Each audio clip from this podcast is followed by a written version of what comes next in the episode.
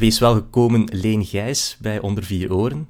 Uh, gast nummer 7, denk ik intussen, van deze podcast. Uh, lucky number 7. Eerste keer dat je te gast bent in een podcast eigenlijk? Of, uh... Ja, ik vind het super spannend, want ik ben zo... Ben ik wel boeiend genoeg?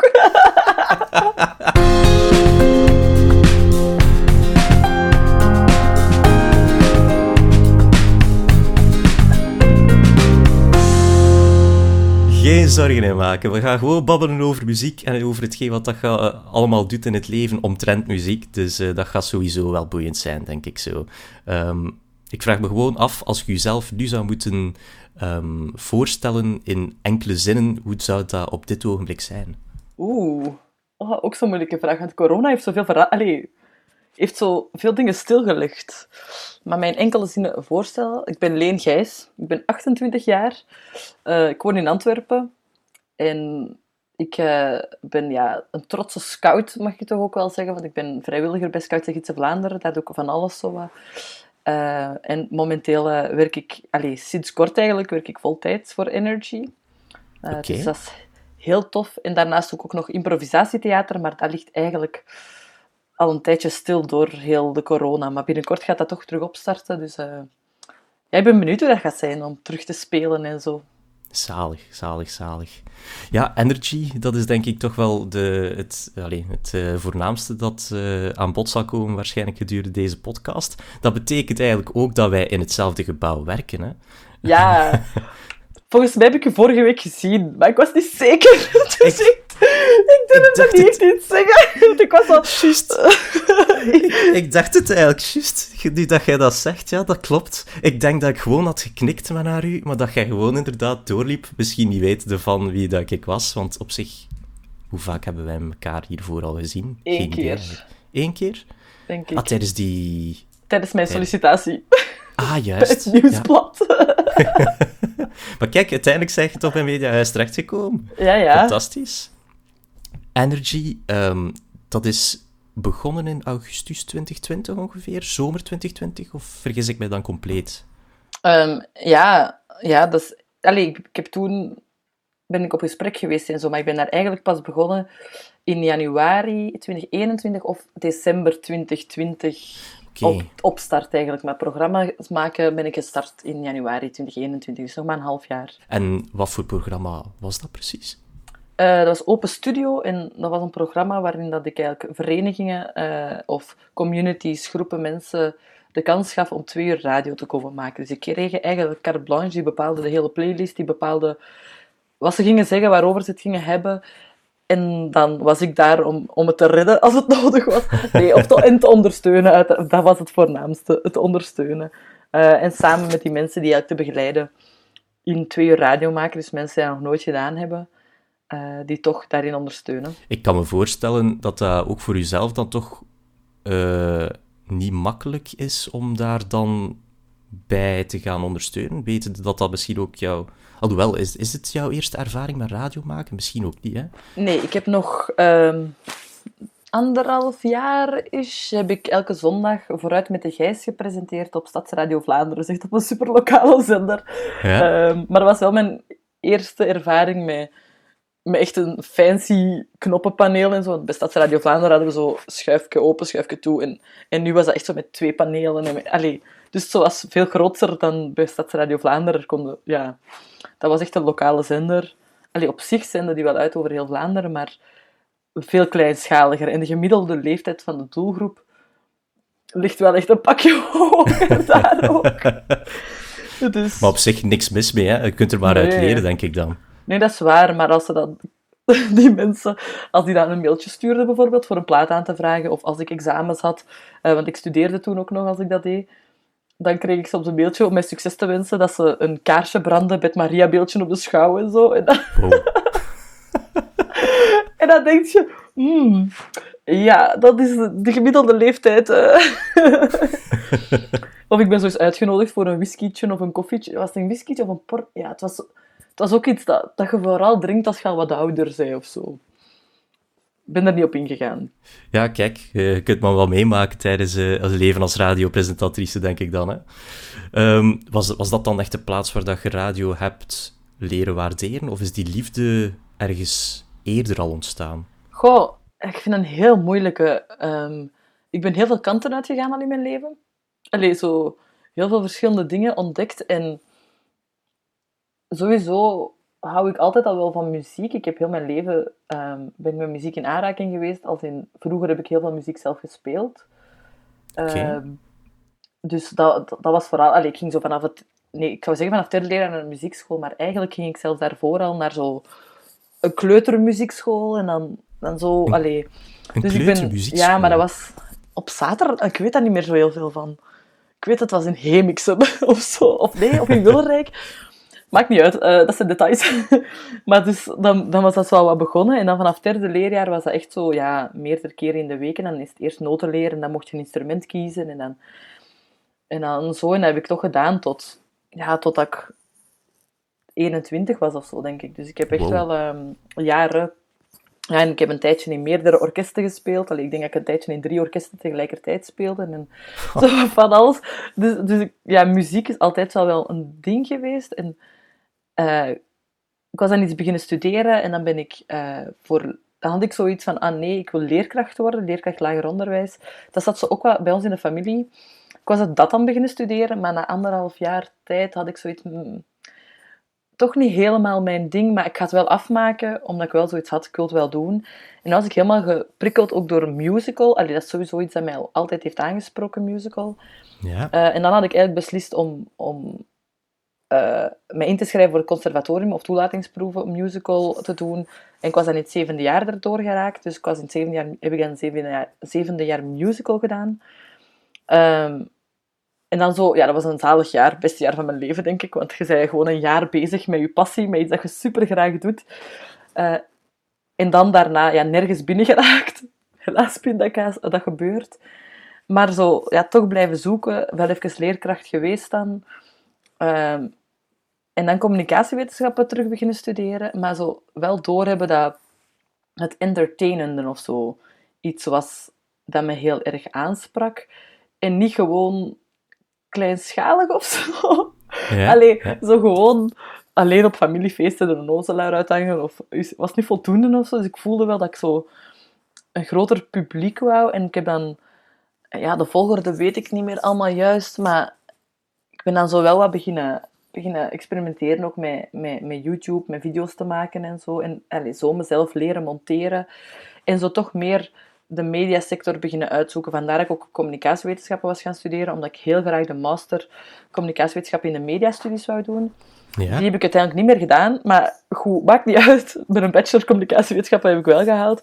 Maar die periode mijn, als student heb ik eigenlijk helemaal gebruikt om, om wat te gaan uitzoeken wat vind ik tof en wat kan ik gaan doen? Ik ben dan zo als videoreporter bij Humo een tijdje terechtgekomen en, en zo wat, wat, ja, wat dingen gaan uitzoeken. En dan had ik ook wel aangegeven dat, allez, zo thuis bij mijn familie en zo zei ik ook wel dat radio mij erg interesseerde. Dus ik had mij zo al een paar keer voor de M&M talentdagen ingeschreven of mocht ook zo eens naar de selectie komen van de Q Academy of Studio Dada bij Studio Brussel. Je hebt zo verschillende radiozenders die van alles doen. Maar ik had eigenlijk geen ervaring. Ik had echt ja, nul ervaring. En dat, zo zeker bij Studio Dada bijvoorbeeld, dan weet ik dat daar ook echt wel... Ja, er kwamen ritstudenten die dat allemaal studeerden, die dat allemaal daar superveel mee bezig waren. En ik had dat helemaal niet. Uh, dus ik had dat zo eens laten vallen. En mijn broer kende toevallig iemand die werkte voor Stadsradio Vlaanderen. En die had gezegd van, ja, volgens mij zoeken ze daar altijd ook wel uh, mensen. Hij had mij eens in contact gebracht. Ben ik er langs geweest. En een paar weken later, denk ik, ben ik met mijn programma gestart. Iedere zondag tussen vijf en zeven. En ja, ik heb eigenlijk een beetje aldoende geleerd daar of zo. Ik, ben, ik heb nooit een opleiding gehad of nooit... Uh, um, ja, ja, nee, ik heb het gewoon eigenlijk zo aldoende uitgezocht en klinkt het niet aan botsend. Maar dat zorgt soms wel voor een nozele situaties, zoals bij... In Open Studio had ik de RITS-studenten ooit... Allee, ooit alsof het lang geleden is. Uh, in februari of zo, denk ik, kwamen er studenten van het RITS twee uur radio maken. Ja, die kennen er natuurlijk ook al wel wat van. Maar die begonnen zo vakterminologie te gebruiken, waar ik nog nooit van gehoord had. Maar ik was zo de betaalde werkkracht. en, zij, en zij zo de studenten die met mij kwamen radio maken, ik moest die begeleiden. En die waren zo woorden aan het gebruiken. Dat ik dacht wat ik zo op een bepaald punt ook wel heb gezegd, "Goh, het is misschien een beetje gênant, maar wat bedoelen jullie? Ik denk dat jullie dat wel bedoelen, maar ik wil het even echt zeker zijn. En het was dan wel correct geïnterpreteerd van mij, maar ja, dat was zo... Ik vond dat heel onnozel van mezelf. maar ja, als je nooit opleiding hebt gehad en... Allee, ze hebben, tuurlijk hebben ze mij bij Energy wel begeleid en zo, en ze hebben mij Ja. ondersteund, maar dat is niet hetzelfde als dat je drie jaar radio studeert, hè. Ja, dat kan ik me inbeelden. Ehm, wat, zijn, wat zijn dan zo voorname eh, zaken die ze jou, zowel bij, bij, ehm, bij Studio Stadsradio Vlaanderen en bij Energy dan hebben kunnen aanleren? Wat zijn zo echt de belangrijke factoren daarin? Trek uw plan. Nee, is niet. nee, maar zo bij Stadsradio Vlaanderen was het echt wel trek uw plan. Hadden ze mij zo eens één keer zo de knoppen wat uitgelegd. Ja? En dat deed ik echt gewoon maar wat. Dus dat was echt dan zo wel... ja, ik weet niet zo goed. Ehm, en dan was het zo meer... Mijn, mijn ouders luisterden heel vaak of zo. Eh, ik denk dat ook mijn ouders zo mijn grootste fan zijn. Ik denk, mijn papa heeft nog bijna geen enkele uitzending gemist. Als hij er een mist, dan neemt hij die op en beluistert hij de achteraf nog of zo, denk ik.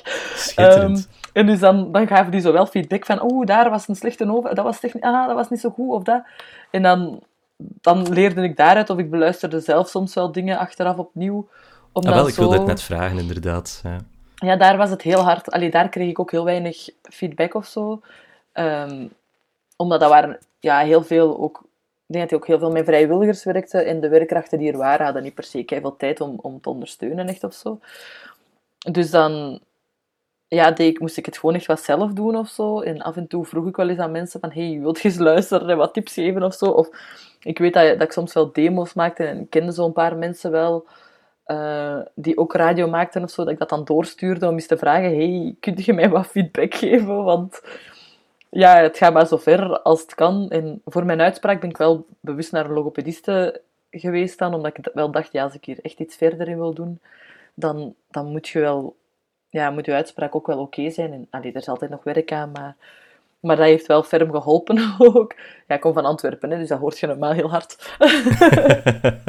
dus, eh, maar zo, ja, zo denk ik dat ik gewoon door zelf op, op zoek te gaan en zelf dat ik zo wel veel heb bijgeleerd. En ik ben op een bepaald punt bij Stadsradio Vlaanderen ook wel gestopt, omdat ik zo wel het gevoel had, ik blijf wel op mijn honger zitten nu. Niet dat ik alles van het vak kende, belangen niet, maar meer dat er heel weinig, ja, dat ik weinig feedback nog kreeg of zo. En, en dat ik zo het gevoel had van, ja, ik, na een tijd ging ik eigenlijk mijn programma daar maken zonder voorbereiding. Ik kwam twee minuten voor de uitzending kwam ik aan in de studio of zo. En ik improviseerde mijn uitzending bij elkaar. Allee, ik zocht alles op en, en ik zocht dat er tegelijkertijd op en dan, dan begon ik dat te vertellen. Want het, was zo, het concept was om mensen zin te doen krijgen in de week. Dus eigenlijk vooruit te kijken naar de week van wat is er allemaal te doen deze week? Waar, kun ik, welke films komen eruit? Welke nieuwe platen komen eruit? En zo van die dingen. Maar dat begon ik na een tijd echt gewoon ter plekke op te zoeken. En dan dacht ik, ja, dat is ook niet het van het. En het was zo, ja, je zat daar alleen in zo, in zo ja, dat was een, een zolderkamertje eigenlijk. Zat je zo alleen en ik ben daar veel te sociaal voor. Om zo, allee, of ik heb, ik heb heel veel nood aan sociaal contact. Eh, dus ik had ook zoiets van, ja, dat, dat werkt zo niet voor mij. Dus ik merkte dat ik daar zo op mijn honger bleef zitten. Dus heb ik daar na een tijd wel, wel stopgezet. Ehm, omdat ik er niet meer de voldoening uit haalde dat ik wou of zo. En ik kan me dan voorstellen dat zo'n overgang naar Energy, dat dat wel toch wel even eh, anders is of zo. Eh, hoe, hoe was die eerste kennismaking dan met, met hun redactie? Ja, dat was vooral over wel... Allee, omdat ik voelde mij... Ik vond het zalig dat ik... Dat ik als ik zo te horen... Allee, want ik had... Maar ik ben echt heel vaag aan het vertellen. Mijn excuses. Ik begin opnieuw. ik ben zo... In mijn hoofd gaan alle lijnen zo door elkaar, maar... Duidelijke lijn, Leen, duidelijke lijn. Maar dus... Ik weet dat ik... eh, ik had zo spontaan gesolliciteerd bij Energy. Dus ik had, ik had eigenlijk een sollicitatievideo gemaakt. En ik had die dus ook naar Energy gestuurd en ik had zo via via proberen terecht te komen bij een mailadres dat ik wel bij iemand terecht kwam die iets te zeggen had en niet gewoon de info-ad of zo. Hè. Dus ik dacht, eh, zo was ik aan een mailadres geraakt, van nu mijn bazin eigenlijk. En dan had ik die video daarnaar gestuurd en ineens kreeg ik een mailtje terug van ah ja, ik wil, eh, ik, ik wil wel eens een kennismakingsgesprek met jou doen en zo. Dus ik was zo, wow, wat? Echt.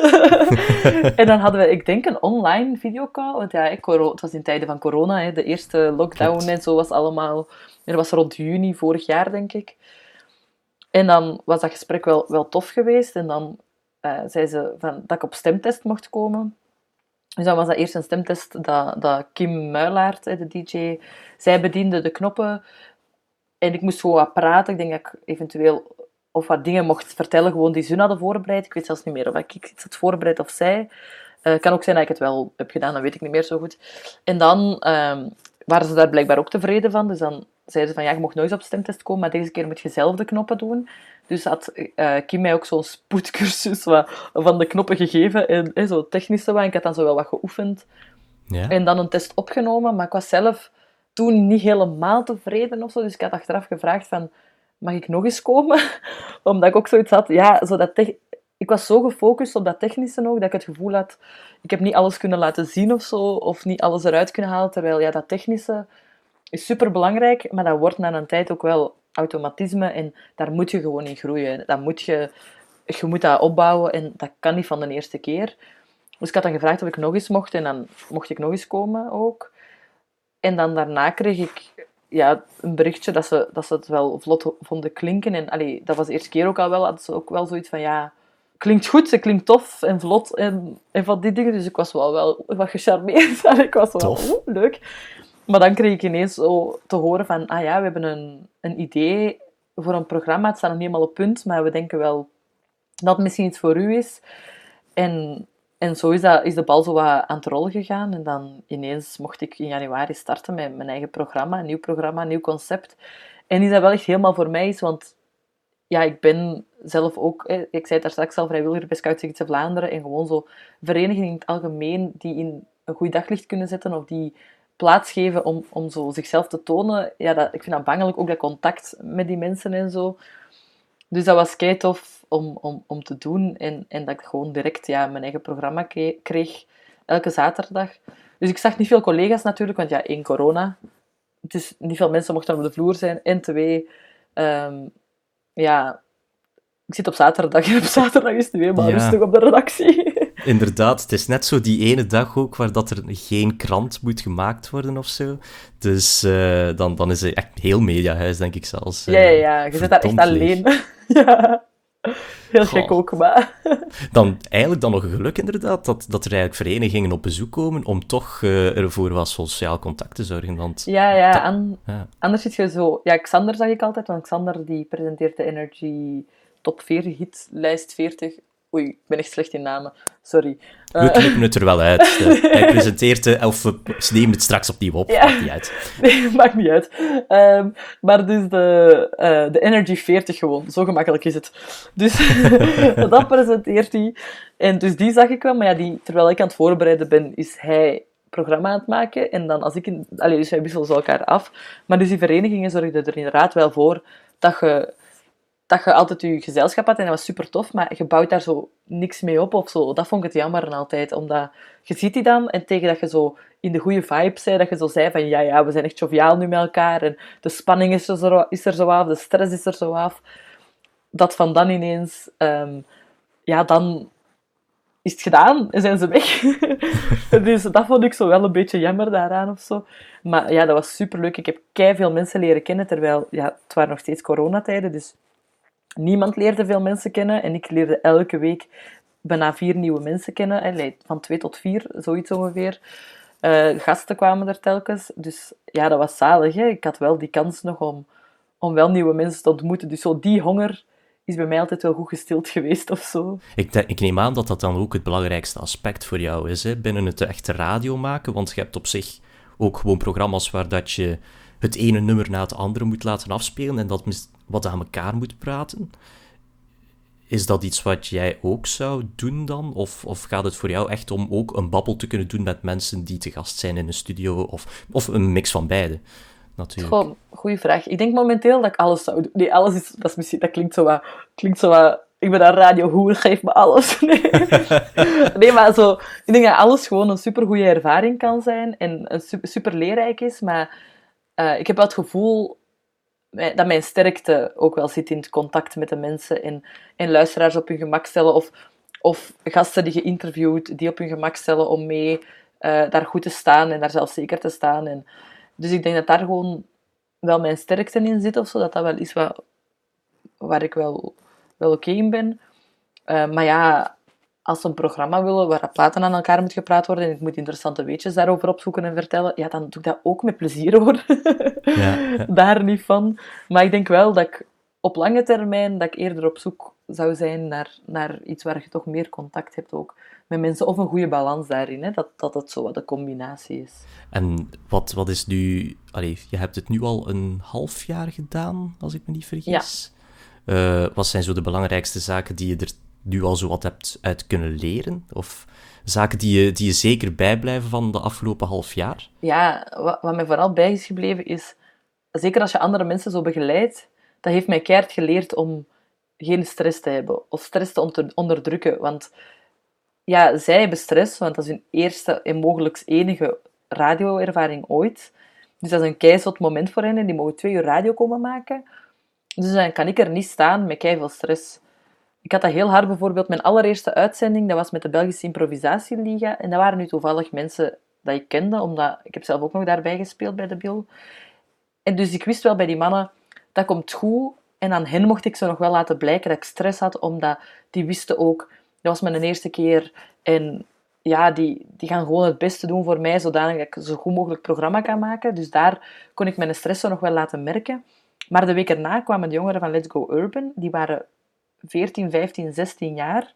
Dus daar kon ik mij dan niet meer permitteren om te laten zien dat ik stress had. Ja. Dus ik heb echt heel hard geleerd daardoor van go with the flow en zelf gewoon zo je cool bewaren. Ook al heb je twee uur voor je programma, merk je eigenlijk dat die voorbereiding niet helemaal in orde is, dat die voorbereiding niet top is en moet je daar nog alles regelen. Dan, ja, ik heb echt geleerd om gewoon te zien, dat komt wel in orde, we regelen dat zoveel mogelijk op voorhand, de rest on air, maar dat komt in orde en ik heb echt zo heel hard geleerd om zo die stress of ja, dat niveau echt zelf te, te, laten, te laten zakken en en niet te laten merken of zo, omdat dat kon gewoon niet. Want als ik daar gestrest sta, zeker voor zo'n jongeren, ja, dan zijn die zelf eens zo gestrest, terwijl ja, ik was een week verder dan die eerste week. Zoveel heb ik met die knoppen niet geoefend. Allee, ik ben op voorhand wel wat gaan oefenen, ik heb een testprogramma opgenomen. Maar ja, dat technische, dat is echt gewoon, je moet dat doen, doen, doen. En je maakt fouten, uiteraard, en dan moet je dat fixen. En dat gebeurt. Maar zo, ja, dat heb ik denk ik heel hard geleerd afgelopen half jaar of zo. En heb je, heb je nog zo trucjes gevonden, naast bijvoorbeeld dan proberen om zoveel mogelijk en zo goed mogelijk dingen voor te bereiden? Want ik zelf ga waarschijnlijk uh, in de komende periode ook meer en meer geconfronteerd worden met livestreams en dergelijke, um, terwijl ik eerder bijvoorbeeld in een videoscene terechtkom. Um, jullie, jij komt daar altijd mee uh, in contact met dat live gebeuren. Um, zijn er zo dingen die, die je kan aanraden daarin? Of is dat moeilijk? Hangt dat van persoon tot persoon af? Dat sowieso, denk ik wel een beetje. Maar ik denk, wat wel kan helpen... Allee, ook al loopt er iets mis, dat is super menselijk. Dat is oké om dat te benoemen. Of denk ik dan, hè, want vaak willen we als we een fout maken, of al is dat technisch, of al is dat dat je over je woorden struikelt, of al is dat, ja, lach daar gewoon eens mee van, oh lap, ik heb het hier weer misgedaan. Dat hoeft ook wel, ja, als dat nu in elke uitzending of konst om de vijf minuten is, is dat iets anders.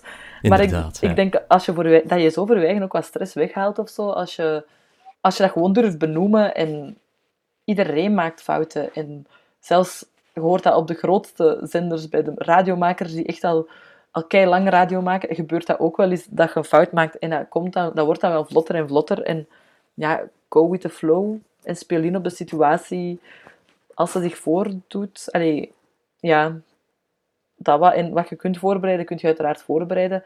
Maar ik merk bij mezelf dat ik vaak soms vlotter ben als ik moet inspringen op of inspelen op dingen die gebeuren. Um, je moet natuurlijk iets zinnigs wel altijd kunnen vertellen en zo. Hè. En, Klopt. en, en die dingen, dat, is, dat sowieso wel. En voorbereiding is wel echt nog altijd super belangrijk. Maar bij Open Studio had ik dat echt niet altijd in de hand. En was het echt veel meer op het moment zelf inspringen en zo. Maar dan, ja, go with the flow. En als het voor je eigen niet goed voelt, dan moet je misschien ingrijpen of zo. Of ik denk zo dat wat als tip. Dat is echt een lange tip. Een lange tip, maar denk wel een hele nuttige. Ik, ik vraag me dan ook af, ik kan me voorstellen dat dan ook jouw ervaring bij Stadsradio Vlaanderen daar ook wel wat in heeft kunnen helpen, want ongeacht of het nu gaat om een klein of een groot publiek, de eerste keer dat je ergens live gaat, zal wel voor enige piepers uh, gezorgd hebben, denk ik. Of, of lag dat bij jou anders? Nee, zeker wel. Ik weet, de eerste keer bij Stadsradio Vlaanderen weet ik niet meer zo heel goed. Maar ja, zeker in het begin heb je dat wel. Dat, daar zijn ook niet zo heel veel luisteraars, denk ik. Dus dat, dat relativeert je snel daarna wel of zo. In het begin is dat de eerste keer dat... Ah, en vanaf dat nieuwe draf is, is dat ook zo wel wat, wat rustiger. Maar bij, bij Energy van hetzelfde ook... Allee, ik heb nu deze zomer wat vervangingen gedaan. Of een keer als Kim ziek was, heb ik haar ook uh, vervangen in de avondspits. Dat wist ik dan de dag ervoor. En dan, ja, dan staat je daar met knikkende knieën terug. En dan, dan, allee, mijn stress valt over het algemeen wel mee bij de bij gewone uitzendingen of zo. Omdat ik dat denk ik, ja, daar ben ik Open Studio heel dankbaar voor. Ik heb dat daar denk ik echt geleerd om dat onder controle te houden en te zien van we regelen het wel als het, als het misloopt. Of, of te vertrouwen op, op dat ik wel iets kan fixen of zo. Maar ja, zo'n avondshow is dan weer een totaal anders, ander programma. Dus dat is, ik heb dat één keer gedaan nu. En dat was wel super spannend, want je moest alles leren kennen. Het technische, ik zat altijd in het weekend. Dat was mijn eerste keer dat ik eens in de week zat. Wat ook een verschil was, ook ten opzichte, allez, ook qua vormgeving en technische dingen die ertussen komen. Ja, hoe verschilt, hoe verschilt dat met elkaar eigenlijk? Zo'n zo'n twee shows. Bij Open Studio was het heel vrij. Als in de reclame moest op het goede moment komen. um, dat, moet, dat moet op het juiste moment komen. En uw nieuws moet op het juiste moment komen. Verkeer was er bijna nooit op zaterdag, dus dat viel mee. Dat moest op het half uur dan niet echt. Tenzij dat er echt wel veel verkeer was, dan denk ik dat nog wel op het half uur. Maar dus je moet je timings vooral goed in het oog houden. Ja. Maar verder was dat super vrij. En zo in de week, zeker zo'n avondprogramma, dat heeft een veel vastere structuur of zo. Um, daar zitten veel meer vaste items in. Je wilt daar ook genoeg nieuws brengen, want je wilt, allee, of duiding bij nieuws of bij actua dingen, omdat je wilt wel dat mensen um, wat mee zijn. En dat gaat veel, dat moet ook veel strakker zitten. Ja, dat zit veel strakker of zo automatisch. Uh, omdat dat, dat zijn de momenten dat ook natuurlijk, dat zijn de speechblokken voor iets. Hè. De mensen luisteren dan het meeste en die willen even ontspannen van hun werkdag. En, en je wilt je toch genoeg dingen meegeven. Dus dat is wel een, qua pittigheid ook wel een verschil. Allee, of een anders gewoon. De inhoud ligt daar ook veel meer. Lag daar veel meer bij mij dan bij Open Studio. Bij Open Studio lag de inhoud veel meer bij mijn gasten natuurlijk. Ehm, en dan naar boven kijken. Dus dat is een heel groot verschil natuurlijk ook. En iets wat misschien in de toekomst nog vaker op jouw bord mag komen als, als dat uh, wordt aangeboden? Of uh, zeg je oh. van liever toch die vrije, die vrije ruimte? Ik weet niet. Ik heb het nog maar beperkt ervaren. Hè. Alleen nu want deze zomer heb ik ook een ander programma uh, gepresenteerd. Dat was zo, een, een, zo wat dance, samen met DJ Gascar was dat dan. Om mensen zo in de goede sfeer voor het weekend te brengen. Um, dat was ook weer al wat anders. Dat was iets minder tussenkomsten ook, omdat je, ja, je wilt de mensen meer laten dansen al. En als je dan de hele tijd zit te praten, dan ja, komt je ook niet in de vibe. Hè? dus, dus dat was ook al anders. Dat was ook al super tof. Maar ja, als ik zo'n spitsprogramma mag presenteren ooit, dan wil ik dat zeker wel ervaren. Dat dat wel heel pittig is.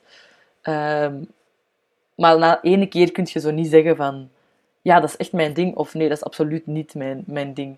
Uh, maar dat is wel een programma waar zo'n goede afwisseling in zit tussen aankondigen van platen en ook met inhoud komen en, en met gasten praten of gasten uitnodigen of, of bellen met mensen. Dus dat is wel een goede afwisseling uh, daarin ook. Oké, super. Ehm, als ik me niet vergis, is het ook zo dat jij vandaag met iets nieuws bent begonnen ook? Of ben ik dan volledig de mist in aan het gaan? Nee, wel ongeveer. Allee, als in het radioseizoen is teruggestart bij Energy vandaag. En ik ben, ja? um, ik ben gestart als producer nu bij Energy. Dus um, eigenlijk heb ik al twee werkdagen gehad, zo anderhalve week geleden of zo. En dan ben ik al direct terug een week eh, eventjes weg geweest, die gepland stond. Uh, maar vandaag was eigenlijk de eerste dag dat het seizoen gestart is en dat ik als producer daarbij ben. Uh, dus ja, dat is super spannend, want van één dag in de week werken voor Energy op zaterdag ben ik nu naar uh, voltijds gegaan. Wat wel een hele mooie, een hele mooie kans is. daardoor dat we elkaar misschien ook zijn tegengekomen toen, die, die ene keer onlangs. Dat was dan op een van die paar dagen dat je... Uh, Mogelijk, ja. Of toen vrijdagavond was dat misschien... Als ik nog... ik presenteerde toen ook nog wel op vrijdagavond. En denk we elkaar toen zijn tegengekomen. Ah, dat ik mijn eten stond op te warmen. Voordat ik aan de avondshow moest beginnen. Want dat was dan 7 tot 9 presenteren. Dus dan moet je daarvoor ergens toch nog zien te eten, natuurlijk. Hè. Ja, dat is ook waar, inderdaad. Maar kijk, producer, uh, wat, wat, mag ik me daarbij exact voorstellen? als ik het zelf al... Nee, is niet waar.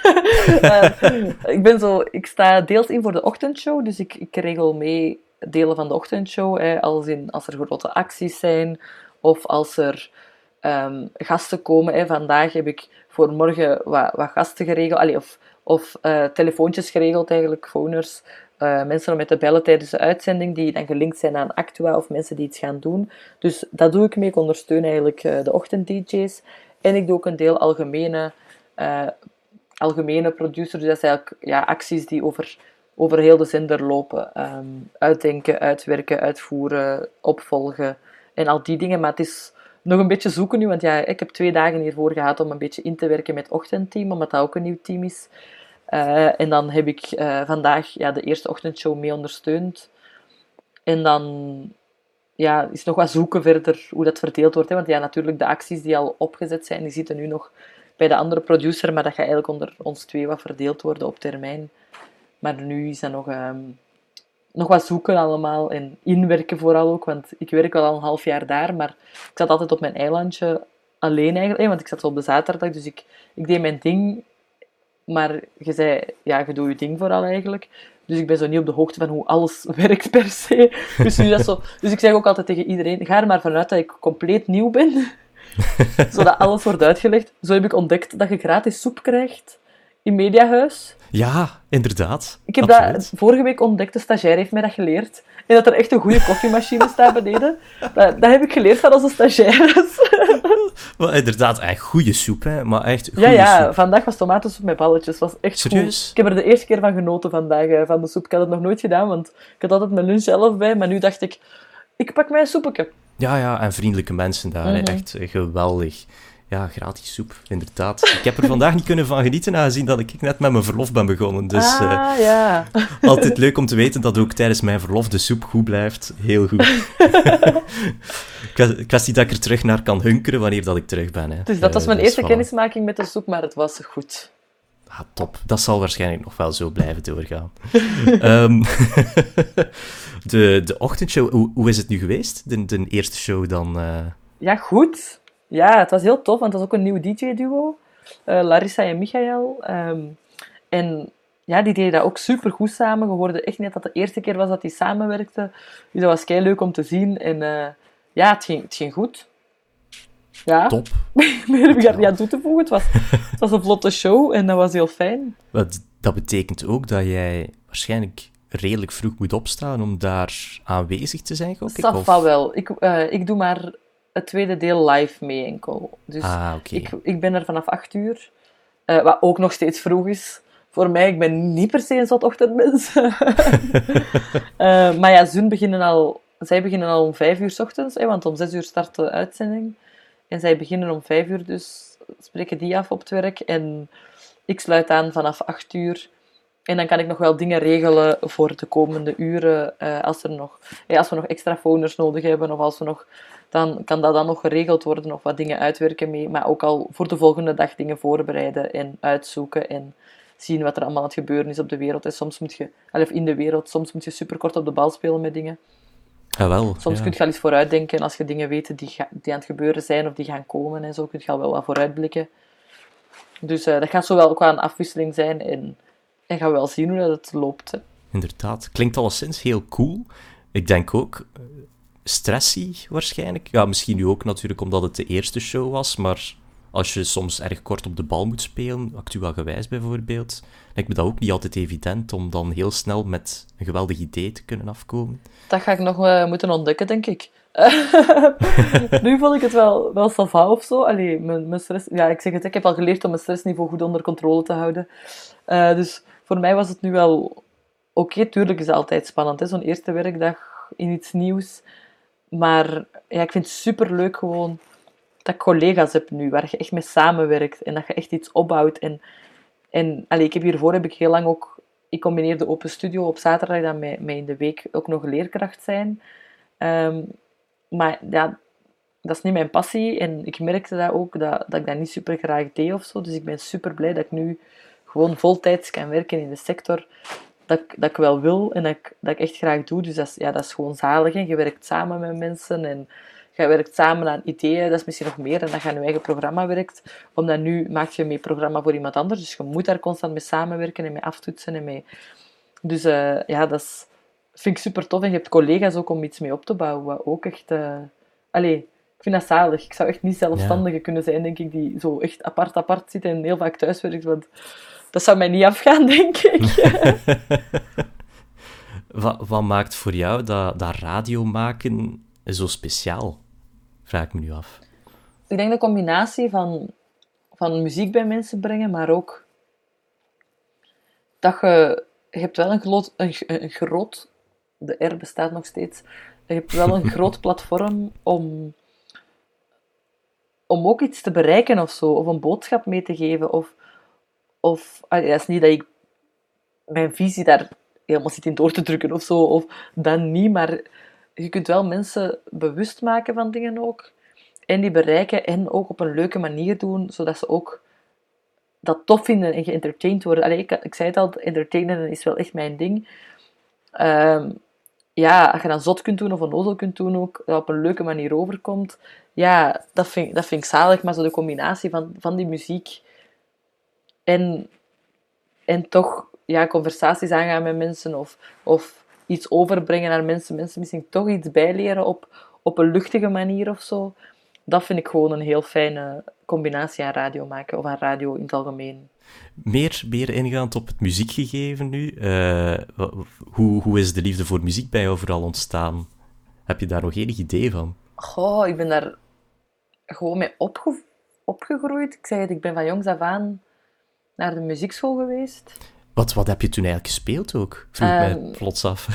ik heb jarenlang hobo gespeeld. Hobo zeg. Ja, dat is een heel specifiek instrument. Ik snap nog altijd eens hoe een, hoe een negenjarige, tienjarige beslist om hobo te gaan spelen. Maar ik had een vriendinnetje dat plots naar mij kwam gelopen op de open deurdag van de muziekschool. Leen, Leen, ik ga hobo spelen. En ik vroeg zo, oh, wat is dat? En zei, kom eens meekijken, kom eens meekijken. Ik ben mee gaan kijken en ik heb toen beslist, ik ga hobo spelen. En ik heb dat dan ook 14 jaar of zo intensief gespeeld. uh, en ik heb dan ook nog wel een tijdje dwarsfluit gespeeld. En zo, maar eigenlijk ligt dat nu zo wat aan de kant. En nu speel ik gewoon nog wat kampvuurgitaar of kampvuur ukulele. Dat zijn zo nu... Alleen daarmee bedoel ik dat ik gewoon een paar akkoorden kan die ik mezelf heb aangeleerd. En dan zo dat speel... Ja, en ik kan ook drie liedjes op de piano of zo. Want in het zeven jaar musical kregen wij ook pianoles. Tof. En dan heb ik zo wat basispiano ook geleerd. Ehm, maar hobo is eigenlijk het instrument dat ik het langste uh, heb gespeeld en het actiefste heb gespeeld. Maar dat is toch serieus blazen, als ik me niet vergis, hè? zo op een ritje? Of, uh, ja, of ja. volledig... Ja. Nee, nee, dat is wel pittig, ja. Allee, dat is... Je traint je longinhoud daar goed mee. ah ja, oké. Ja, dat kan ik me op zich wel inbeelden. Dus... ja, dat is... Uh, maar ja, ja, ik ben daar mee opgegroeid. En ja, die ritjes zijn wel een miserie, want die hebben een dubbelrit en dat je kon dat heel moeilijk kopen in de winkel, zo ritjes. Dus eigenlijk ben ik ook een beetje ermee gestopt, omdat die ritjes gewoon zo miserie zijn. Ofwel super duur. Als je dat koopt in de winkel, zijn dat vaak niet de beste kwaliteit. Nu is het een paar jaar geleden, dus kan het zijn dat het ondertussen wel verbeterd is. Dus dan moest je die zelf maken. Maar aan zo'n één rit zet je gemakkelijk twee uur bezig. En dan is de kans dat het slecht is ook nog groot. Ja, wat Dus dan denk je echt al, ja, nee. en dan heb ik andere hobby's gevonden in mijn leven. En dan ben ik zo uitgebold met de orkesten dat ik deed. En die dingen. en, en qua muziek luisteren, ging dat dan ook meer naar het orkestrale? Of, of ben je meer de, de pop-rock uh, gerichte muziekliefhebber? Ik ben zo aan alles liefhebber. Allee, als in zo echt drum and bass dingen of zo met de harde... Dat is zo minder mijn ding. Zo... bij mij is... Wat belangrijk is voor een goed nummer, of dat ik het leuk vind, is de meezingbaarheid van een nummer. Als ik het goed kan meezingen, dan vind ik het vaak wel tof. Is de meezingbaarheid echt niet goed, ja, dan, dan ga ik het misschien minder leuk vinden of zo. maar ik ben zo wel... Ik heb zo niet per se één stijl. Ik ben ook zo opgegroeid wel met... met oudere muziek. Allee, oudere muziek, als in... Ja, alles van Toto en, en zo die dingen en zo. Eh, daar ben ik zo wel een deel mee opgegroeid, maar... Evengoed heb ik periodes gehad dat ik alleen maar Bart Peters luisterde, of Jelle Kleimans, dus, of zo, eh, kleinkunsten dingen, of dat ik ja, uiteraard alle Eurosong voor Kitsen vroeg. ja, ik, ik pleit schuldig. Ik pleit schuldig. Ja, daar heb ik ook nog ooit aan deelgenomen. Allee, als in... Ja? Nee, ik heb mij ingeschreven. En ik heb de brief, Ah, denk ja. ik, nog altijd ergens liggen van de VRT, dat ik niet geselecteerd was. Maar dat was echt zo mijn cassetje, denk ik zelfs, dat we hebben ingestuurd toen nog. Of een cd'tje, ik weet het niet. Maar dat moest je zo doorsturen. Dat was zo nog niet. Maar ik stuurde een mp3 door. Dat was echt zo met de post, dat je een cd door opstuurde. En en dan kreeg je een officiële brief terug. Ik denk echt dat die nog ergens in mijn kast bij mijn ouders ligt. Van, je bent niet geselecteerd. En Ja, wat hadden gezongen, weet je dat nog? dat was verschrikkelijk. We heten... Onze naam was Swing Calais van Katrijn en Leen. Zo'n vriendinnetje. En het ging over dat ik een grote droom had om te reizen naar het heelal of zoiets. Ja, ik ga het niet zingen. Ik weet het nog in mijn hoofd, maar daar tot, dat ga ik niet doen. maar het refreintje is wel catchy, want als ik eraan denk, komt het altijd terug in mijn hoofd op. Dus ze hebben een kans gemist, denk ik dan. Ja, dat was een potentiële radiohit, hè? Sowieso. Nee, maar als ik dat zo terug behoor, of allee, terug beluister nu, dan denk ik toch ook wel... Hmm. Allee, het is lang geleden dat ik het nog eens gehoord heb, maar dat was echt wel verschrikkelijk eigenlijk. Maar ik weet nog goed dat we zo op mijn kamer stonden, dat we zo aan het opnemen waren en echt... Ja, a cappella ook, hè, want er was geen, wij konden dat niet begeleiden. Hè. Wij waren hoe oud? Tien jaar of zo.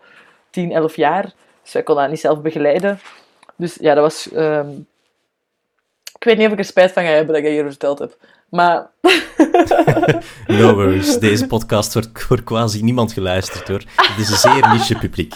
Zeer niche publiek. Dat kan Van- ik u wel verzekeren. van Eurosong voor Kids of wat? Die... Ja, ja. Alle fans. Ja.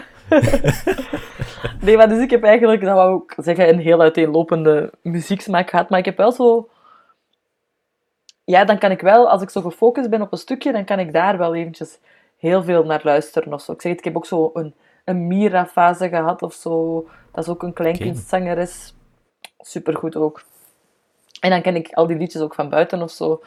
Eh, in het. Engels ben ik nooit goed geweest om dingen van buiten te leren. Mijn Engels is eh, ondertussen beter wel, maar dat was ooit miserabel. Dus ik heb zo mezelf ook aangeleerd eigenlijk om naar Engelse songs niet echt naar de songtekst te luisteren. Allee, dat is, eh, omdat ik dat nooit begreep, moet ik daar nu echt super bewust wel naar luisteren als ik dat wil luisteren. Allee, als ik het wil begrijpen, anders doe ik gewoon maar wat klanken na of zo. Ehm, maar ja, zo'n een written word ik ook super gelukkig van, want ja, meezingbaarheid, top. Dus ik heb zo, ja, ik zeg het. Het is heel uiteenlopend, denk ik, eh, mijn muzieksmaak. Maar jij bent dus wel echt zo'n opzoeker dan van songteksten die, die echt ex, of, eh, exact toch het nummer wil kunnen meezingen? Of, eh, Mm. Nee, ik leer dat wel door, door klanken na te bootsen en dan te horen dat het fout is of dat het... Allee. dus heb ik ooit op Kamp met de Scouts ehm, zo van Remy van Eurosong for Kids, nu zijn we weer bij Eurosong for Kids, maar nu lijkt dat echt dat ik echt dat nog steeds keiveel luister. Ça va wel. Eh, En ook, niet vergeten, wij zitten uiteindelijk in die generatie die Eurosong for Kids fantastisch vond. Hè. Wij waren Ja, ja. toen, wat was het, 12 jaar of zo? Ja, dat Dus was. Echt, dus dat was echt een ding toen. En ik weet dat, dat op Yingkamp, ja, dat was voor ons allemaal nostalgie. Dus wij hadden zo die cd, ik had die bij en we hadden die opgezet van, van het allereerste jaar van Eurosong for Kids. 2003, denk ik, was dat. En dan... ehm, dus ja, zoveel jaar later had ik die cd dan opgezet en iedereen al die liedjes aan het meezingen. En zo van Remy is dat zo... Je mag denken wat je denkt. Je mag vo- voelen wat je voelt. Je mag dromen van wel duizend dromen. Maar op een bepaald moment zingt hij zo... eh, ik ben op weg en ik word nooit moe. Maar ik zong toen uit volle borst... Ik ben een Belg en ik word nooit moe. Omdat ik echt dacht... Dat dat, dat de song was. maar blijkbaar was dat niet het geval. En dan hebben die, iedereen keek... Dus ik zong dat en iedereen keek zo naar mij van... Hè, Leen, wat zingt jij nu? Die waren wij keihard het uitlachen. Want ja, op wat slaagt dat ook? Ik ben een Belg en ik word nooit moe. Typisch België, wij worden nooit moe. maar zo... Maar ik had het zo verstaan altijd, dus ik zong dat gewoon zo. Dus ah, ik zou mezelf niet direct een tekstopzoeker noemen. maar ik ben, ik ben al blij om te horen ook dat betekenis achter teksten niet altijd uh, cruciaal is, als, als maar de klanken goed zitten en de catchiness. Ja, maar echt, want zo mijn, ik heb één lijflied en um, ja, ik denk heel veel... Ja. ik heb een lijflied. En heel veel mensen weten dat ook. Uh, ik zeg ook altijd, dat moet op mijn begrafenis gespeeld worden. En als, ik, als, dat, ja, als mensen dat vreemd vinden dat dat daar gespeeld wordt, hebben ze mij niet goed genoeg gekend. Um, en als Euphoria van Loreen, ook een Eurosong, maar deze keer de volwassenen. Oh my god, hoe kom ik hieruit? Ja, jammer. Geen, geen erg. Ik heb, ik heb een rode draad gevonden voor deze podcast. Ah, ja. Ideaal. Nice. Nee, maar dus ja, dat nummer... Maar daar is ook de dansbaarheid. Dus eigenlijk is het de ja. meezingbaarheid en de dansbaarheid. Want het goede aan Euphoria, ja, dat is echt bangelijk. En dat vooral, je moet daar zo... Ik, ik heb ooit wel dansles gehad of zo, maar ik ben niet per se de beste danser. Zeker niet qua moderne dans. Maar ik ben wel heel goed om dat te faken. Dus dan kan ik echt zo helemaal los gaan. En dan zo... Ja, zeker bij Euphoria moet je op de grond gaan. Dus vorige week was ik nog op kamp met de scouts ook. En dan was dat echt zo... Ik was net getoucht, denk ik zelfs. Maar ja, er was een zandgrond, maar ze had euphoria opgezet. Ik niet alles geven, ik zag echt terug zwart achteraf. Mijn benen waren helemaal zwart, mijn gezicht was zwart. Want ja, ja ik had euphoria gedanst. En dat is echt mijn, dat is mijn gronddansen. Dat, dat moet gewoon. Je kunt daar niet heel dat nummer op recht staan. dat, dat gaat niet. Maar je hebt wel de beste drie minuten van je week gehad, natuurlijk. Uh, te raar. Ja, ja, dat is echt... Uh, daar kan ik ook niet op blijven stilstaan. Als dat nummer opstaat, je zo die boom hoort, zo, dat, dat begint zo, ja, zo ja. dan ben ik direct al... Oh, en pose. En dan, ja, en dan moet ik beginnen.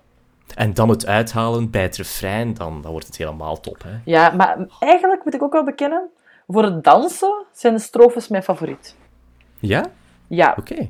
Want ik vind het refrein is superleuk en dat is voor de meezingbaarheid. Ja, daar, dat is op en top daar. Maar voor het dansen zijn de strofes leuker, omdat je daar echt zo kei dramatisch kunt dansen. En, en zo, ja, yeah, yeah. En dan zo wat... Ja, ik ben nu voor de mensen die aan het luisteren zijn, ik ben aan het voordoen. En je ziet dat helemaal niet. Maar, goede beelden voor Kim, alleszins. Ja, dat is waar. Dat is waar. maar ja, iedereen kan zich zo wel iets voorstellen bij zo'n moderne dansen. Zo wat rijken, maar niet raken. En zo, zo van alles. En alle clichés van moderne dans steek ik daar dan in. En ja, dat is gewoon een gevoel dat dan opkomt en dat is niet te stoppen. dus dat is mijn lijflied. Um. Ah, fantastisch, ja. Ja, gewoon heel het Eurovisie Songfestival gebeuren. Ieder jaar zitten er daar toch wel wat nummers bij die, ja. Die moeten passeren. Hè. Ik, ik heb me dit jaar enorm geamuseerd. Hè. De mhm. laatste paar jaar heb ik niet echt gekeken, moet ik zeggen. Maar dit jaar nog eens echt van begin tot einde gecheckt. En ik dacht bij mezelf van potverdorie, ik moet dat vaker doen. Ja, dat is echt leuk. Zeker als je het echt... Zo, ik volg dat niet per se super hard. Ik zal er ook niet per se speciaal voor thuis blijven. Maar eigenlijk is dat wel de moeite om dat wel te doen. Zeker als je zo de voorrondes al hebt gezien. Dan is die zaterdag nog leuker. Omdat je dan zo dingen ziet terugkomen. En dan... Die voorrondes, daar zitten ook heel veel echt slechte dingen in. En dan valt die zaterdag wel mee. Want je gaat er dan al vanuit... Het gaat super slecht zijn, maar eigenlijk valt het dan wel mee. En ja, ik vind het altijd heel grappig om te zien ook de outfits dat ze aan hebben en, en de acts dat erbij horen. Maar dit jaar was wel super cool, zo qua graphics en zo de, het, het visuele was gewoon echt super vet dit jaar. Dat zat, Die show zat echt wel echt zot goed in één eigenlijk. Had jij een favoriet? Ja, ik weet het niet meer. Oh, ik, weet, ja, ik had wel favorieten. En niet Duitsland.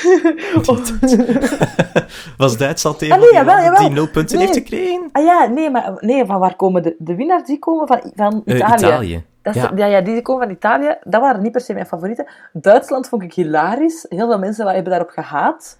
Maar ja, het was echt catchy, vond ik. En Frankrijk was ook wel echt goed. Maar dat snap ik wel dat die niet per se winnen. Uh, maar die waren, dat was zo die chanson, die Franse Just, chanson. inderdaad. Maar dat was wel echt goed. Maar ik had wel een favoriet.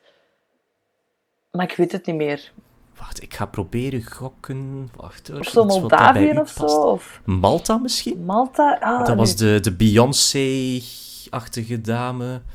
Um, wie had er nog allemaal? Dat, dat was eigenlijk mijn favoriet toen. maar dat is dan uiteindelijk later kunnen wel. Ik ben, ik ben ondertussen eventjes afbeeldingen aan het zoeken. Ik ben... Um, ah, die was wel cool. Die, die van Malta, die... Ja. die was wel cool. Die had wel zeker iets. Ik weet niet zeker of het echt mijn favoriet... Maar ik vond die wel cool. die stond daar zo ook wel. Maar ja, ik, ik, weet het niet meer. Ja, zo'n indruk hebben ze dus ook niet meer per se allemaal op mij achtergelaten. Um, maar ik weet dat ik wel het gek vond of zo van Italië, maar ja.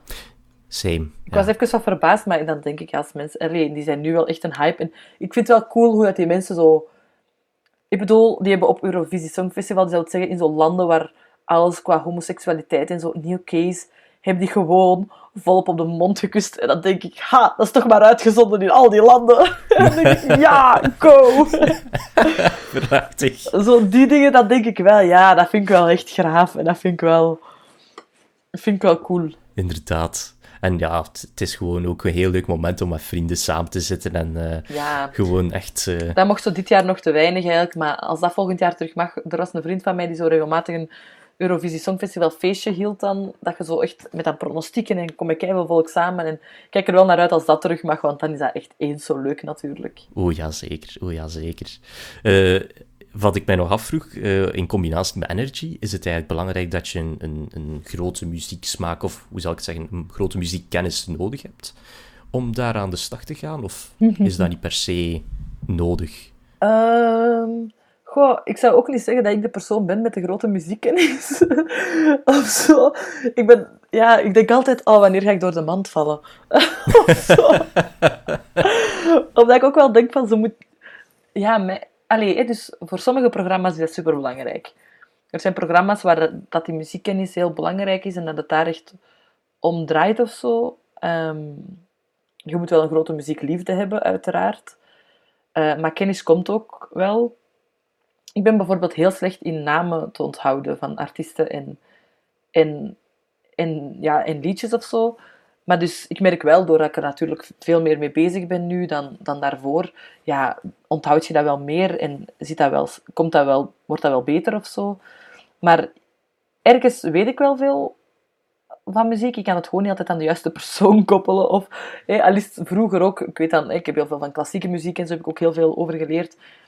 Maar ook zo da, altijd aan de, allee, zo de juiste opera of de juiste dingen aan de juiste componist koppelen en zo. Daar, daar ben ik echt niet per se sterk in, denk ik. Ik denk dat mijn kwaliteiten het zitten in, in het menselijke contact en, en, en die dingen. En natuurlijk moet er zeker een liefde voor muziek zijn, maar ik denk niet dat elke radiomaker, of ik hoop niet dat elke radiomaker per se alles van muziek moet kennen. Je kunt ook wel heel veel opzoeken natuurlijk. En ik moet natuurlijk niet in een muziekproducer taak gaan zitten, want ja, dat weet ik, daar ligt niet mijn sterkte.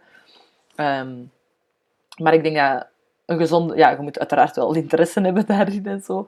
Dat zeker wel. Maar ik denk alles weten per se... Hoop ik dat dat niet nodig is, want dan ben ik niet de juiste persoon of zo. ik denk ook dat dat niet meteen een cruciaal gegeven is. Nee, en allee, ik zeg het, hè, mijn sterkte zit meer in dat entertainende en, en die dingen, wat ook leuke... Allee, afhankelijk van de keuze die je maakt als radiozender natuurlijk. Hè. Als je een radiozender zei die puur op de muziek wilt en puur... Um, allee, de muziek is super belangrijk en je moet daar duidelijke keuzes in maken. Um, maar ja, en zeker, dat is misschien ook het goede bij Energy. Um, en wij spelen enkel de hits van de laatste tien jaar. dus daar zit gewoon heel veel nieuw ook in. Dus je moet ook gewoon heel veel nieuwe dingen willen ontdekken en uitzoeken. En en dat vind ik wel tof ook, om zo gewoon nieuwe nummers te ontdekken en te horen. Maar ik weet, vroeger had ik bijvoorbeeld nooit de reflex, ik hoorde heel veel muziek, maar ik had nooit per se de reflex om te gaan ontdekken welke artiest is dat nu eigenlijk? Of, of wie, wie, welk, allee, hoe heet die titel nu? Allee, wat is de titel van dat nummer nu? Of zo, die reflex had ik niet per se. Nu, nu heb ik dat wel meer natuurlijk. Ehm, maar ja, zeker met de hits van de laatste tien jaar, daar zijn er wel wat dingen die je uiteraard wel kent. En je ontdekt er gewoon elke keer nog nieuwe en, en van die dingen. Dus ik denk dat die muziekkennis ook nog wel sowieso uitgebreid... Allee, kennis denk ik altijd als ook iets dat je kunt uitbreiden. En je kunt zoeken, je moet er wel zeker een passie of een interesse voor hebben. Maar het is ook wel meer dan, dan dat, denk ik. Voor mij toch. Inderdaad, absoluut. En ik moet ook zeggen, de, de laatste tijd, als ik zo wat uh, nieuw materiaal of zo luister via Spotify en dergelijke, dat, dat blijft soms wel hangen. Maar ik heb nu zo het gevoel van, ik heb nog eens goed nood aan een goed concert of een goed festival of zo. Omdat ik daar dan ook weer artiesten of, of, of dergelijke ga opzoeken die ik niet per se ken, maar die ik wel wil leren kennen. En die dan toch een, een straffere indruk weten na te laten dan, dan Ja. dat ik ze gewoon op Spotify zou opzetten. Ja, dat snap ik wel echt. Want ik heb zelf... Ik was niet per se een zotte concertganger, omdat ik altijd zoiets had... "Och, dat kost altijd zoveel. Dus ik wou, daar niet zo, ik wou daar niet zoveel geld aan uitgeven of zo. En dan... Maar dan heb ik dat ontdekt. En heb ik ontdekt hoe zalig ik dat vind. En de laatste Werchter, dat is doorgegaan, is de eerste keer dat ik naar een betalend festival ben geweest. Daarvoor had ik dat nooit gedaan. Ik ging zo wel naar Sphinx en zo. Ik vond dat wel super tof, maar ja, je bleef dat ook anders. Of zo, zeker omdat bij Werchter, je weet ook, ik heb hiervoor betaald, dus ik wil hier alles uithalen.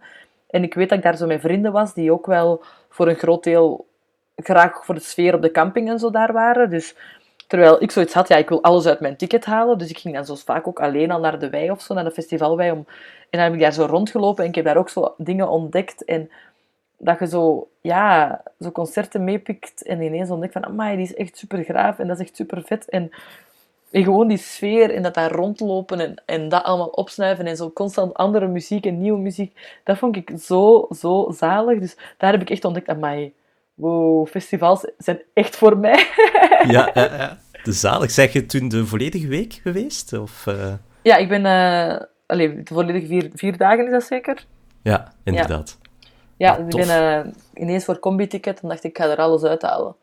En dat heb ik ook wel echt gedaan. Achteraf heb ik het dan zo eens een keer uitgerekend. Hè.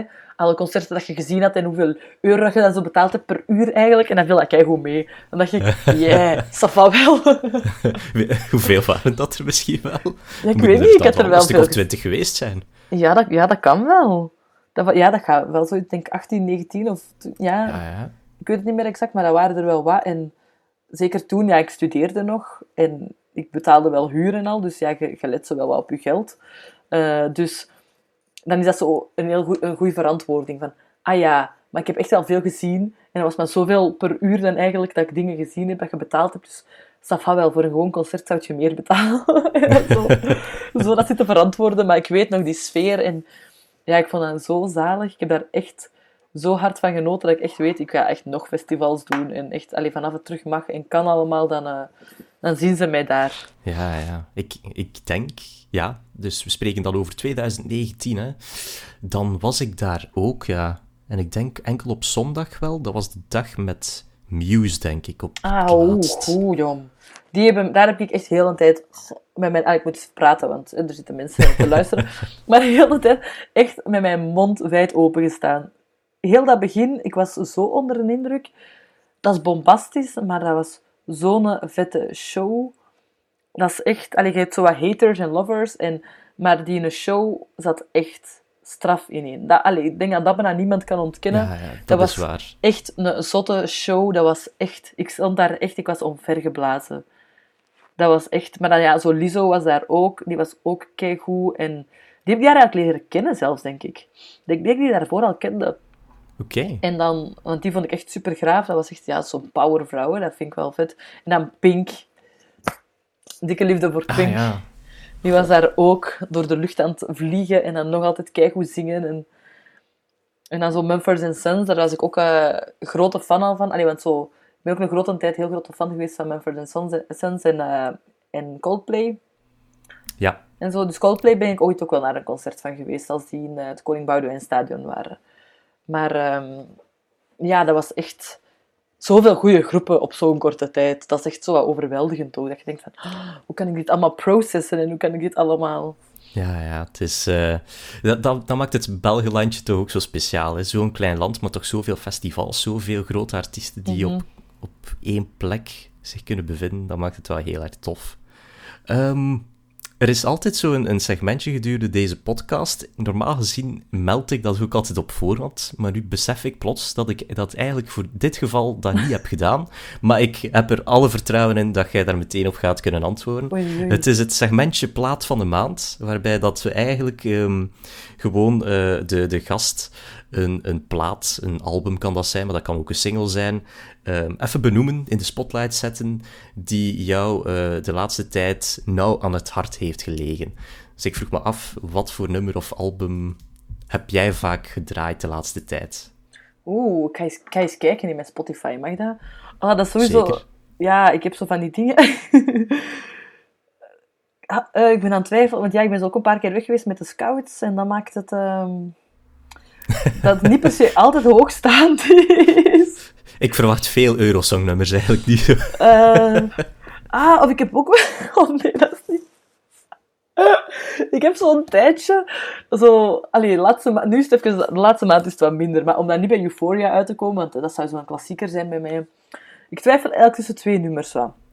Oké. Ehm, ja, en Unwritten wil ik gewoon nog eens vermelden, maar daar ga ik niet tussen twijfelen. Dat is echt een schijf. Maar ik, heb zo, ehm, ik ben zo wat sportiever geworden sinds een paar maanden. Als in, ik doe gewoon af en toe ga ik lopen. En eh, een tijdje heb ik ook zo altijd zitten planken. Dat ik elke ochtend eh, zo aan het planken was en dat was ik dan aan het opbouwen. En ik deed dat altijd op hetzelfde nummer. En dat was... op... Dat belooft. Dat was op Because of You van Kelly Clarkson. Because of You.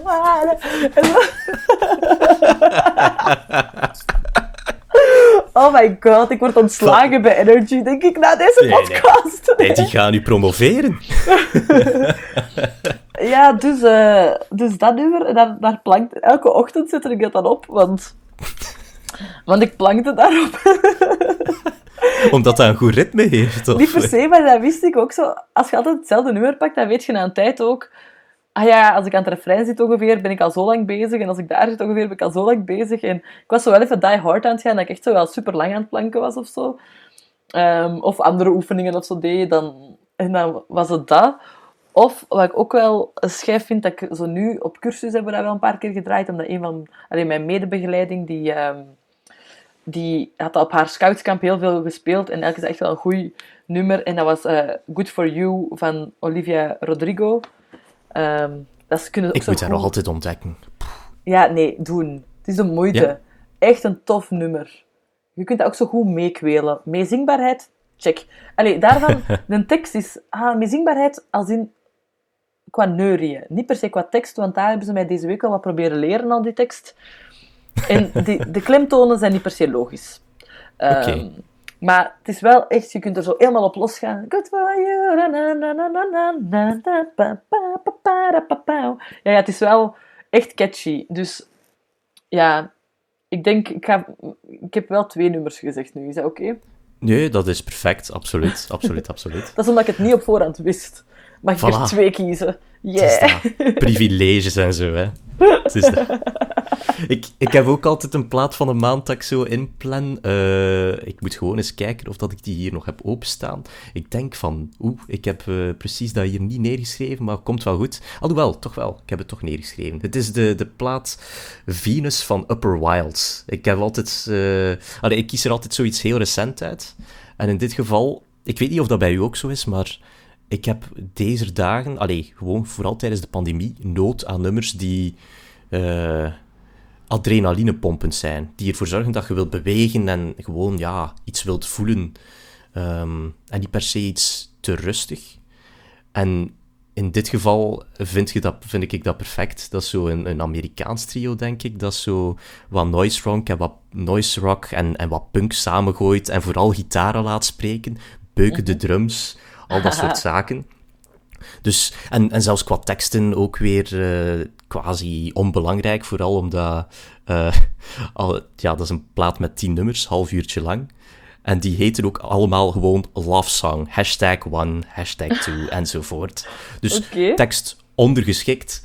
Ehm, voor mensen die, die grote fan zijn van, eh, van stevige gitaren en een half uurtje goed doorrazen, Upper Wilds met Venus, zeker eens checken. Oeh. Ehm, doorgaans breng ik ook eigenlijk een vooruitblik op, ehm, op de volgende maand.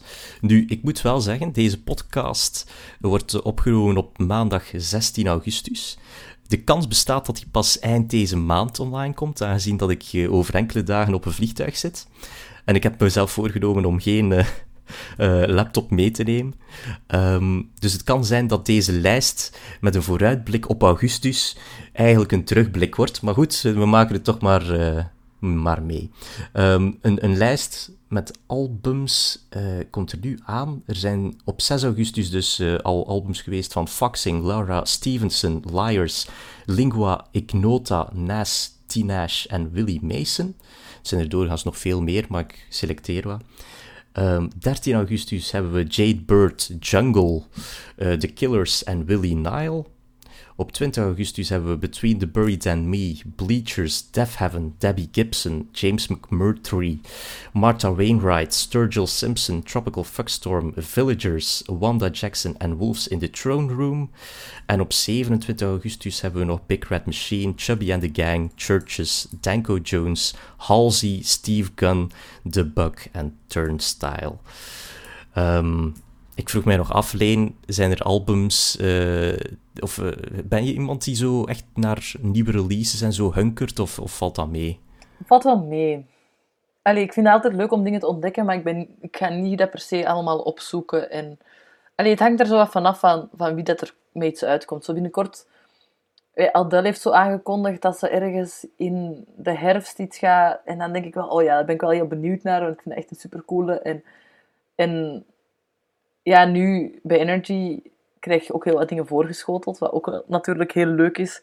Ehm, ik heb ja, ik zeg het, het is in fases bij mij, dat ik het opzoek en als het dan iets van iemand is dat ik denk van, oh ja, maar die wil, dan ga ik het ook echt eh, opzoeken en ga ik er echt naar luisteren. Of ik weet zo over laatst, was zo de nieuwe, allee, over laatst, dat is ook al eventjes geleden, denk ik. Maar dan had Bazaar hun nieuwe plaat gereleased of zo. En dan was ik ook wel eens benieuwd om... Eigenlijk ken ik die niet supergoed. Ik ken zo wel een paar nummers daarvan. Maar ik dacht, en wel kan die plaat ook gewoon eens beluisteren. En dan heb ik dat zo wel eens iets opgezet. Maar dat, ja, het hangt er zo wat vanaf. Um, ja, ik wissel zo wat af. Ik zoek het niet altijd per se op. Maar als ik het dan zo zie verschijnen van... Ah, die komt binnenkort een nieuwe plaat. Dan uh, kan ik zo wel getriggerd zijn om, om daar toch op te wachten. En dat toch is helemaal te gaan beluisteren. Of zeker ook zo lokale dingen. Ik weet, ja, op Twitter, Tom Helze was zo zijn, uh, zijn eigen plaat super hard aan het promoten, maar echt crazy. Maar het heeft wel gewerkt, want daardoor ben ik wel gaan luisteren. En heb ik echt eens geluisterd naar die plaat en zo. En anders had ik dat misschien niet gedaan, maar ja, het is zo meer als het zo voorbij komt en als ik zie van, oeh, ja, die vind ik echt goed, of die vind ik echt interessant, of mm, die ken ik niet zo goed en dat wil ik wel beter leren kennen, dan... Uh, dan ga ik het wel opzoeken. Uh, maar het is zo meer dan nieuwe nummers of zo, dan echt volledige nieuwe platen. Maar zo ja, een Anne-Marie of zo, als die ook met iets nieuws uitkomt, dan ja, wil ik dat ook wel gehoord hebben. En het hangt er zo wat van af, denk ik, van, van wie het ook is. En als ik u graaf vind, dan wil ik luisteren. Het is dat.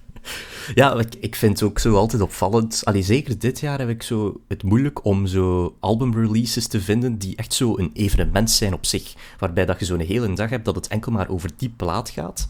Je hebt er zo nog wel een paar gehad, denk ik. Uh, zeker vorig jaar met de, de twee albums van Taylor Swift bijvoorbeeld. Ja. En dan dit jaar Billie Eilish.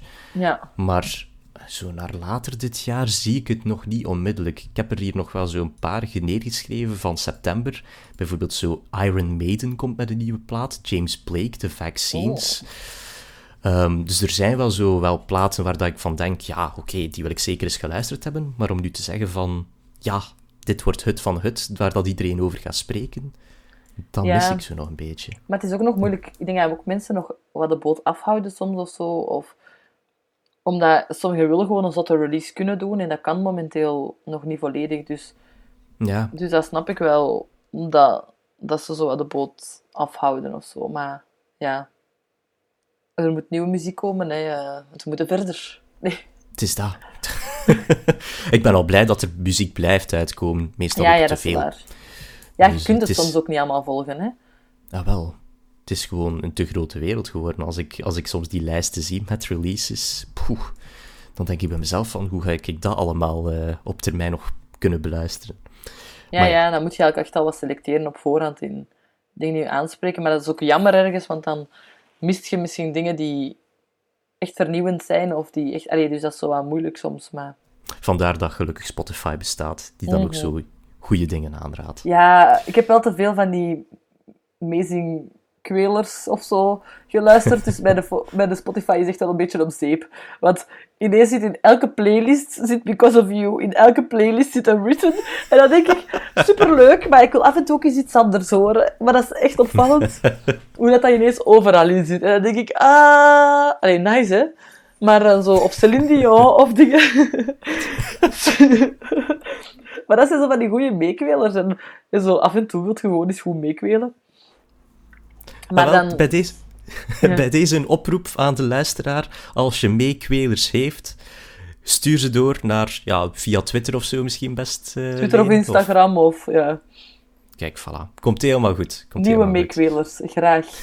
Dat ik mijn Spotify-lijst wat minder kan opfucken, want dat is echt, die is echt fucked up nu. dat is echt... ah, ach ja.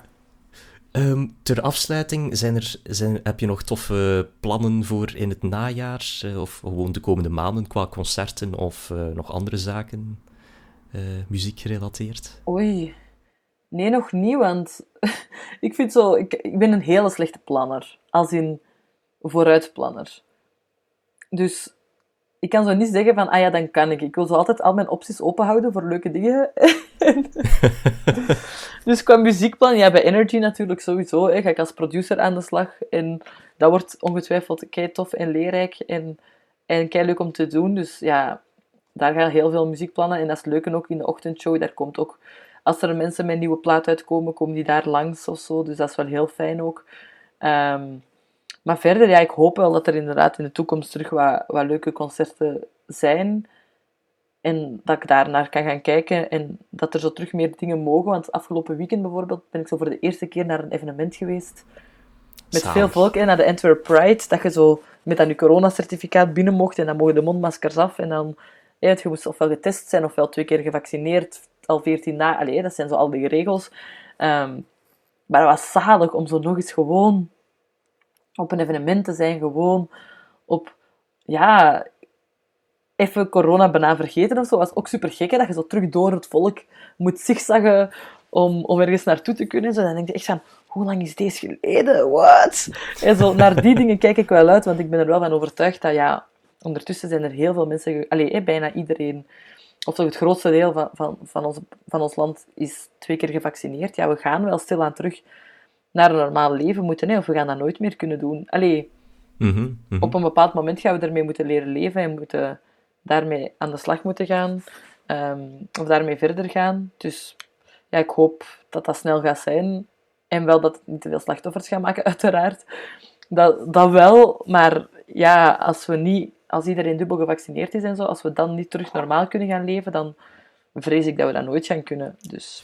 We, we zullen zien wat de komende maanden bieden. Ik hoop alvast dat uh, de concertjes die ik in het najaar heb uh, ingepland staan, dat die kunnen doorgaan zoals dat ik het vroeger gewend ben. Um, Snap ik. Maar kijk, nog, nog één klein tussendoor vraagje. Ik, ik hoorde je daar spreken over artiesten die natuurlijk ook bij jullie op de redactie uh, komen bezoeken. Heb, wie heb je zo al eigenlijk allemaal al gezien? Ja, ik nog niemand, want ik ben nieuw en we ah, zijn vandaag gestart.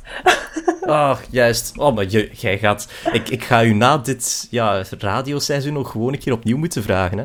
Ah ja, en dan... Wie weet wie ik dan allemaal ontmoet heb. Nu heb ik heel veel... Ja, ik heb al heel veel... Nee, ik heb heel veel mensen ontmoet natuurlijk in Open Studio. Um, en daar zijn ook zowel... Ik vind dat belangrijke mensen geweest. Maar zo... Ja, qua, qua, qua artiesten en zo... Um, ja, dat staat nooit in mijn programma natuurlijk. Ja, dat is waar. Maar kijk, wie in ieder geval... Wie weet. Het is dat, het is dat. Als er ooit een roundup komt, uh, ik, ik, uh, ik laat het nog weten via, via de Facebookpagina of zo van deze podcast, waarbij dat Leen dan volledig haar gang kan gaan over uh, energy en de ochtendshow en alles dat ermee te maken heeft. Maar voor nu wil ik alvast zeggen een dikke merci dat je erbij wilde zijn hier. Uh, het was super plezant. Ik hoop voor u ook. Ja, ik vond het heel gezellig. Dus uh, dat is heel graag gedaan. Mijn eerste podcast overleefd. Yeah, yeah. Was het een beetje oké? Oh jongens, het was fantastisch. Echt entertainend als wat. Oh, jij durft niet anders nu. Nee, dat is niet waar, dat is niet waar. Ik denk dat ik nog nooit zoveel heb gelachen als bij deze podcast. Oeh, yes. Dat, of, ja, of ik denk... Ik weet nu niet of dat te maken heeft met het feit dat ik anders gewoon heel serieuze mensen aanspreek. Nee, ik ben super grappig gewoon. Nee, is niet waar. Voilà, Het is ongetwijfeld dat. Nee, nee, nu gaan mensen denken dat ik zo mega arrogant ben. Dat is niet waar. Nee. En om bevestiging daarbij te krijgen, eh, gewoon naar volgen op Twitter of zo. Is Gijs het zeker? Of? Ja, of gewoon leeg gijs kun je ook. Maar het- op Twitter ben ik niet super interessant per se, denk ik. Ah. Ik vind dat gewoon interessant om andere dingen te lezen. En dan denk ik, ha, toch weer niet. Het is weer boel. Of mensen zijn weer aan het zagen en klagen over van alles. En dan denk ik, oké, laat maar. Ja. Goed. In ieder geval een dikke merci om erbij te zijn. eh, om hier eh, mee te gast te zijn. Ehm, en dan aan de luisteraar wil ik zeggen, eh, een dikke merci natuurlijk om te luisteren. Als je meer nieuwtjes wil weten over de podcast, ga ik proberen om beter mijn best te doen op de Facebookpagina om dingen te posten. wat Dat zijn zo van die loze beloftes, hè. ja, ja. Ik, je wilt niet weten, bij de vorige podcast was mijn belofte van begin augustus nieuwe podcast. Hè. Intussen gaat Ah, het ja. waarschijnlijk eind augustus zijn. Loze belofte nummer 53 of zo. Zwat. Ehm, maar de mensen kunnen dus, wanneer dat de podcast online staat, die te eh, vinden op eender welk podcastplatform. Ehm, en dan hoop ik jullie eh, terug te kunnen verwelkomen. Hopelijk begin volgende maand. Begin september. Oeh. Zijn weer beloftes. Ja, ja. Dat belooft. Tot de volgende maand, mensen. Salutjes.